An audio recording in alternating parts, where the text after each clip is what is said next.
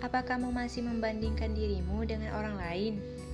Well, kalian sadar atau tidak, insecurity, rasa tidak aman, datang ketika kamu mulai membandingkan diri dengan orang lain. Dan ya, tentu saja seseorang bisa lebih cantik, seseorang bisa lebih pintar, seseorang bisa lebih fashionable, atau lebih keren. Apa pun itu, mereka tidak akan pernah bisa menjadi kamu. Jadi, apa pentingnya kamu membandingkan dirimu dengan orang lain? Menjadi kamu itu unik, menjadi kamu itu spesial.